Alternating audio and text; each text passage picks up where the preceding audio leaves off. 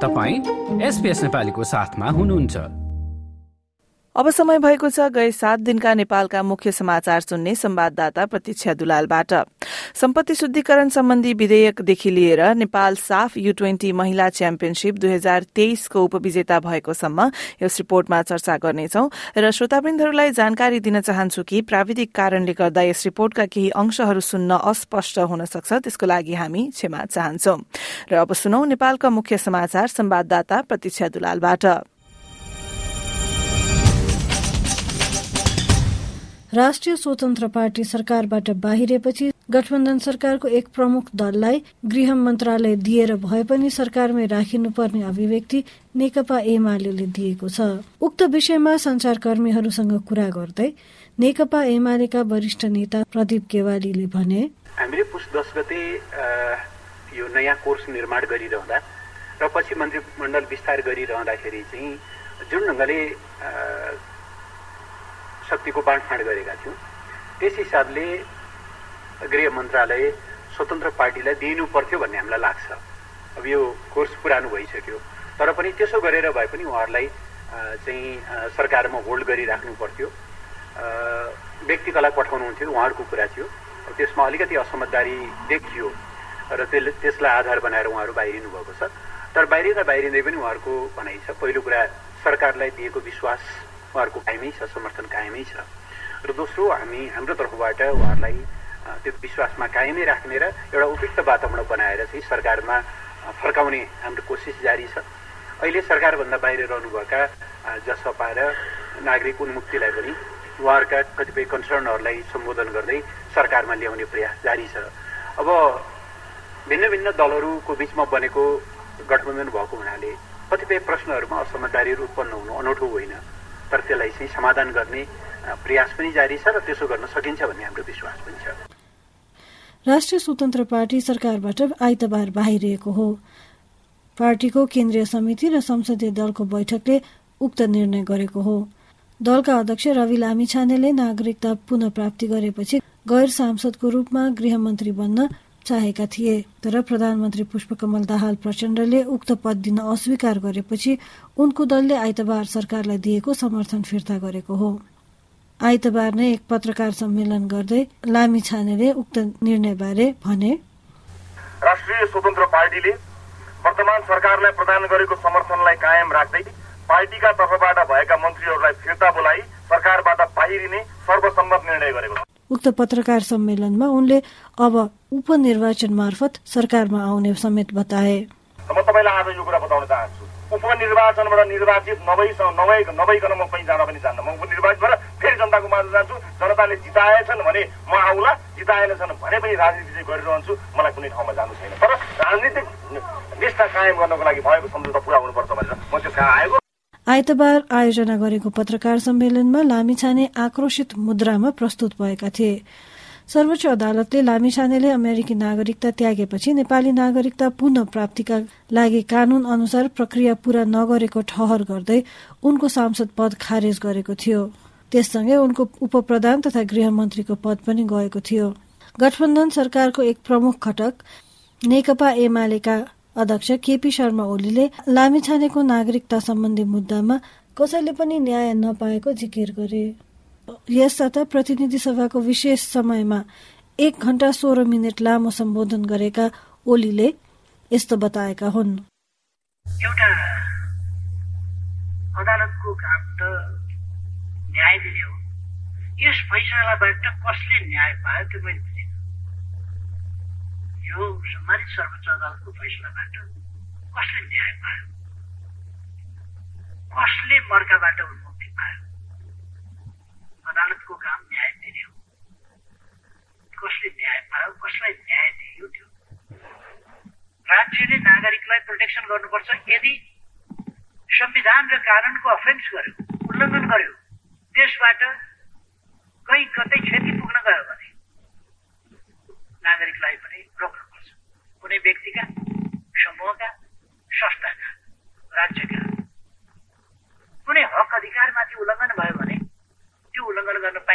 संविधान मिच्न पाइँदैन।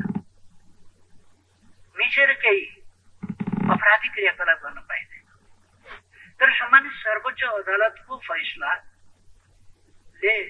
कुनै सब्सटेन्सियल इरर भन्दै तात्विक त्रुटि पनि तात्विक अर्थ राख्ने खालको भन्दैन, प्रक्रियागत त्रुटि। त्यो प्रक्रियागत त्रुटि शुक्रबार रवि लामी छानेको जुन रवि लामी छाने पहिले नै आफ्नो स्ट्याटस सार्वजनिक गरिसक्या हो। दोस्रो यहाँ ढोका खुला रहेछ भनेर फुत्त संसदमा पस्या होइन। उक्त सम्बोधनमा ओलीले पुष्पकमल दाहाल प्रचण्डलाई विश्वासको मत दिएको नेपाली कंग्रेस विरूद्ध चर्को आक्रोश व्यक्त गरे। उनले कांग्रेस प्रतिपक्षमै रहनु देश र जनताको हितमा हुने बताए। उनले राष्ट्रिय सहमतिको नारा लगाएर राष्ट्रपति र सभामुखको लोभमा कंग्रेसले राजनीतिक अस्थिरता निम्त्याएको आरोप लगाए र यति बेला नेपाली कांग्रेस पानी बाहिरको माछा जस्तै भएको टिप्पणी गरे। देशबीचमा यस सम्मानित सदनमा नेपाली काङ्ग्रेसबाट प्रदर्शित व्यवहार र निर्णयहरू संविधान र लोकतन्त्रका लागि बुझिन सक्नुका छ काङ्ग्रेसका केही साथीहरूलाई आफ्नो परिचय प्रतिपक्ष भनेर मान्न सकस भएको छ। मन मानिरहेको छैन। तर प्रतिपक्षमा बस्नै पर्ने बाध्यता पनि परेको छ यति बेला नेपाली काङ्ग्रेस पानी बाहिरको माछा जस्तै छटपटाएको देखिन्छ नेपाली काङ्ग्रेस सत्ता बाहिर आफ्नो अस्तित्व आफै विश्वास गर्न नसक्ने अवस्था हो सत्ता बाहिर रहँदा सत्तामा विग्रह ल्याउने र अल्पकालीन लाभ लिने अनुभव काङ्ग्रेसका साथीहरूसँग राम्रै छ नेपाली कांग्रेसले ओलीको उक्त भनाइलाई खण्डन गरेको छ ओलीको उक्त अभिव्यक्ति लगत्तै संचारकर्मीहरूसँग कुरा गर्दै नेपाली कंग्रेसका सांसद विश्व प्रकाश शर्माले कांग्रेसले राष्ट्रपतिमा उम्मेद्वारी दिने र सोही व्यक्ति नै राष्ट्रपति बन्ने बताए। उनले आफ्नो पार्टी विपक्षी दल भएकै बेला गणतन्त्र नेपालको प्रथम राष्ट्रपति डाक्टर रामवरण यादव बनेको स्मरण गराउँदै अहिले पनि सो पद आफ्नो पार्टीले नै पाउने तर्क गरे। राष्ट्रपति पदमा नेपाली काङ्ग्रेस पार्टीले उम्मेदवारी दिन चाहन्छ उम्मेदवारी नेपाली काङ्ग्रेस पार्टीले दिएको उम्मेदवार नेपाली काङ्ग्रेस समर्थन गरेको हुन्छ देशको राष्ट्रपति राष्ट्रपति पदमा उम्मेदवार नै गर्दाखेरि एउटा लोकतान्त्रिक अभ्यासको रूपमा नबुझ्ने हो भने त्यो अलोकतान्त्रिक खेल हुन्छ म के स्मरण गराउन चाहन्छु सार्वजनिक रूपले सम्मानित प्रधानमन्त्री कङ्ग्रेस केपी विपक्षले यदि राष्ट्रपति पदमा प्रतिस्पर्धा गर्ने कुरोलाई नै पूर्वाग्रही सोच्ने गलत गर्यो भन्ने सोच्ने यो देशको प्रथम राष्ट्रपति तात्कालीन विपक्षी दल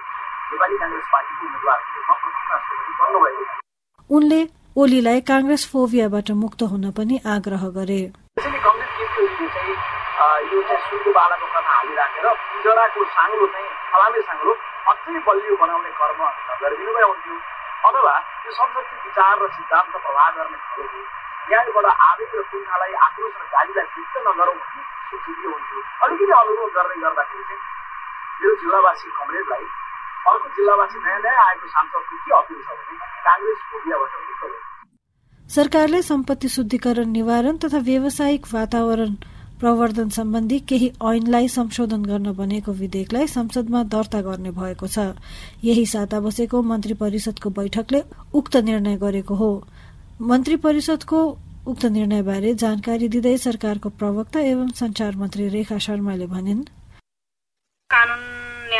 संसदीय मामिला मन्त्रालय अन्तर्गतको एउटा महत्वपूर्ण निर्णय भएको छ। सम्पत्ति शुद्धिकरण मनी लन्ड्रिङ निवारण तथा व्यावसायिक वातावरण प्रवर्धन सम्बन्धी केही ऐनलाई संशोधन गर्न बनेको विधेयक संघीय संसदमा पेश गर्न स्वीकृति दिने भन्ने प्रस्ताव आएको थियो। त्यसलाई हिजोको मन्त्री बैठकले स्वीकृति दिने निर्णय गरेको छ। सरकारले केही सचिवहरूको सर्वसम्मित गरेको छ।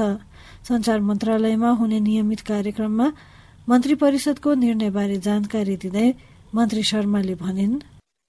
उद्योग वाणिज्य मन्त्रालय अन्तर्गत पेट्रोलियम अन्वेषणका लागि दैलेख जिल्लाको भैरवी गाउँपालिका वार्ड नम्बर एक जलजलीमा रहेको पैँतालिस रोपनी जग्गा प्राप्त गर्न स्वीकृति दिने निर्णय भएको छ। यसले एउटा महत्वपूर्ण अर्थ राख्छ भन्ने मलाई लाग्छ।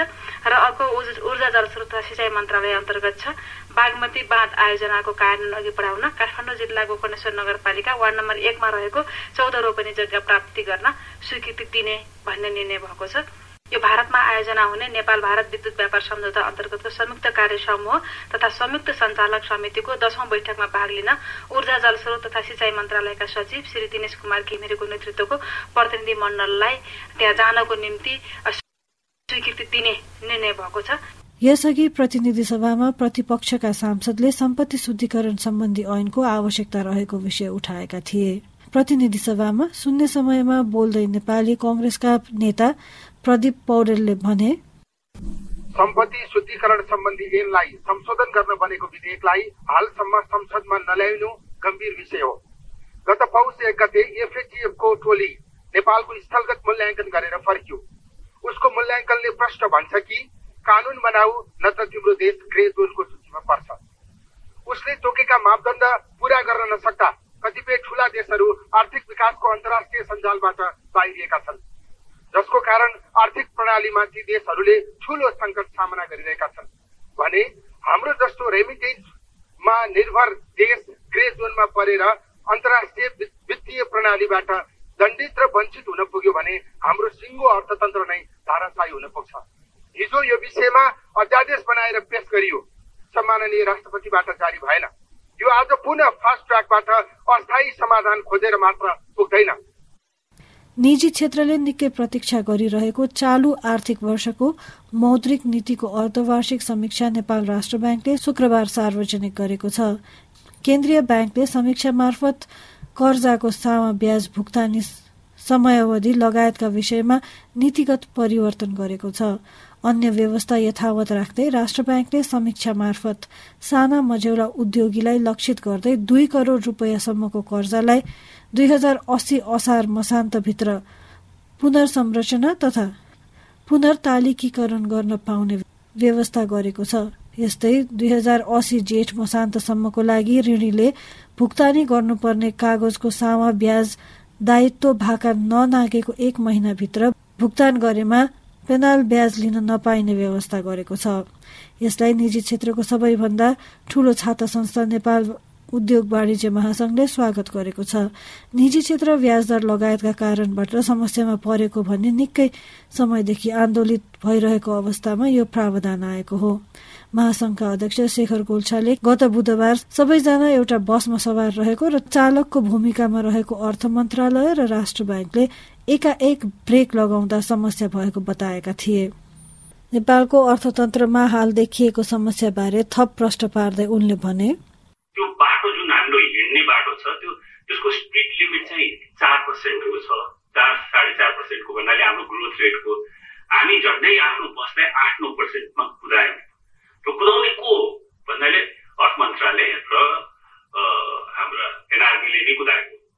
होइन किनभने अधिक हामीले रिस्ट्रक्चरिङ गर्यौँ रिफाइनेन्सिङ गर्यौँ त्यसपछि हामीले अनेक किसिमका इन्सेन्टिभ्सहरू दियौँ र त्यसले गर्दाखेरि अर्थतन्त्र हाम्रो जति गतिमा बढ्नु पर्ने थियो त्यो गतिभन्दा पनि एकदम फास्ट बढ्यो किन त्यो कोभिडको समय थियो अनि खतरा देख्दाखेरि झ्याम्मै ब्रेक लगाए के के ब्रेक लगायो भन्नाले सबभन्दा पहिला सिडी रेसियोलाई सिसिडी रेसियोलाई सिडी रेसियोमा लिएर आए त्यसपछि चार बाह्रको नीति लिएर आए त्यसपछि इम्पोर्ट रिस्ट्रिक्सन्सहरू लिएर आए त्यसमा हन्ड्रेड पर्सेन्ट मार्जिनका कुराहरू गरे होइन ब्रेक चालु पुँजी निर्देशिका लिएर आए होइन झ्याम्म ब्रेक लाग्दाखेरि भित्र बसेका स्टेक होल्डर्सहरू जुन थिए उनीहरू कसैको खुट्टा भाँच्यो कसैको टाउको फुट्यो कसैले त्यो पीडै सहन नसकेर आत्महत्या पनि गरे। हामीले बस त बचायौँ भन्नाले हाम्रो अर्थतन्त्र त बचायौँ तर अब जुन दुर्घटनाग्रस्त जुन अवस्थामा भित्रको प्यासेन्जर्सहरू स्टेक होल्डर्सहरू छन् जसमा कसैको टाउको फुटेछ कसैले उनीहरूलाई चाहिँ कसले बचाउने? मौद्रिक नीतिको समीक्षाले दैनिक तरलता सुविधा अन्तर्गतको ओभरनाइट तरलता सुविधा सात प्रतिशतको नीतिगत दरमा उपलब्ध हुने व्यवस्था गरेको छ। तर यसले ब्याज दरलाई तत्काल तल भने ल्याउने छैन। निजी क्षेत्रका अनुसार ब्याज दर कम नभई अर्थतन्त्र चलायमान हुन कठिन छ। Nepali football team SAFF under twenty महिला च्याम्पियनसिप दुई हजार तेइसको फाइनलमा बिहिबार आयोजक बंगलादेशसँग तीन शून्यले पराजित भएको छ। यससँगै नेपाल उपविजेतामै सीमित भयो। चार देश सहभागी च्याम्पियनसिपको समूह चरणमा पनि बंगलादेशले नेपाललाई पराजित गरेको थियो। त्यति बेला बंगलादेशले तीन एकको जित हात पारेको थियो। यसैबीच राष्ट्रिय स्वतन्त्र पार्टीका सभापति रवि लामिछानेले दोहोरो राहदानी लिएको भन्दै उजुरी परेपछि जिल्ला सरकारी वकिलको कार्यालय काठमाडौँले कागजात संकलन गर्न शुरू गरेको छ। सरकारी वकिलको कार्यालयले अध्यागमन विभाग जिल्ला प्रशासन कार्यालय काठमाडौँ र राहदानी विभागलाई बुधबार पत्राचार गरी लामिछानेको राहदानी सम्बन्धी कागजात मगाएको छ। जिल्ला सरकारी वकिलको कार्यालय काठमाडौँका प्रमुख सहन्यायाधिवक्ता अच्युतमणि नेउपानेले लामिछानेका नाममा राहदानी जारी भए नभएको र उक्त राहदानी प्रयोग भए नभएको विवरण मागिएको जानकारी दिए। कैलालीको टिकापुर घटनामा जेलमा रहेका पूर्व सांसद रेशम चौधरीको मुद्दामा सर्वोच्च अदालतले विपक्षीलाई झिकाउन आदेश दिएको छ। सर्वोच्च अदालतका न्यायाधीश द्वय टंक बहादुर मोक्तान र मनोज कुमार शर्माको संयुक्त इजलासले प्रत्यक्ष झिकाउने आदेश दिएको हो। यसअघि तीन पटक पेशी तोकिए पनि सर्वोच्चमा सुनवाई हुन सकेको थिएन। कर्तव्य ज्यानको मुद्दामा रेशम चौधरी सहित सीताराम चौधरी हरिनारायण चौधरी गंगाराम चौधरी लगायतले उच्च अदालतको फैसला विरूद्ध सर्वोच्च अदालतमा निवेदन दिएका थिए। उनीहरू विरूद्ध कर्तव्य ज्यानको कसुरमा जन्म कैदको फैसला भएपछि त्यस विरूद्ध सर्वोच्चमा पुनरावेदन गरेका हुन्। दुई हजार बहत्तर साल भदौ सात गते टिकापुरमा थारूवान आन्दोलनको क्रममा एक नाबालक सहित आठजना सुरक्षाकर्मी मारिएका थिए। सोही मुद्दामा जिल्ला र उच्च अदालतले जन्म कैदको फैसला गरेपछि यो मुद्दा सर्वोच्च पुगेको हो।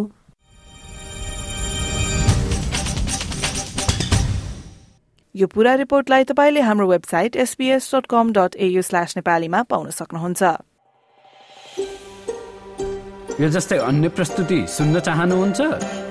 एप्पल पोडकास्ट गुगल पोडकास्ट स्पोटिफाईमा हामीलाई खोज्नुहोस् वा तपाईँले पोडकास्ट सुन्ने अन्य सेवामा।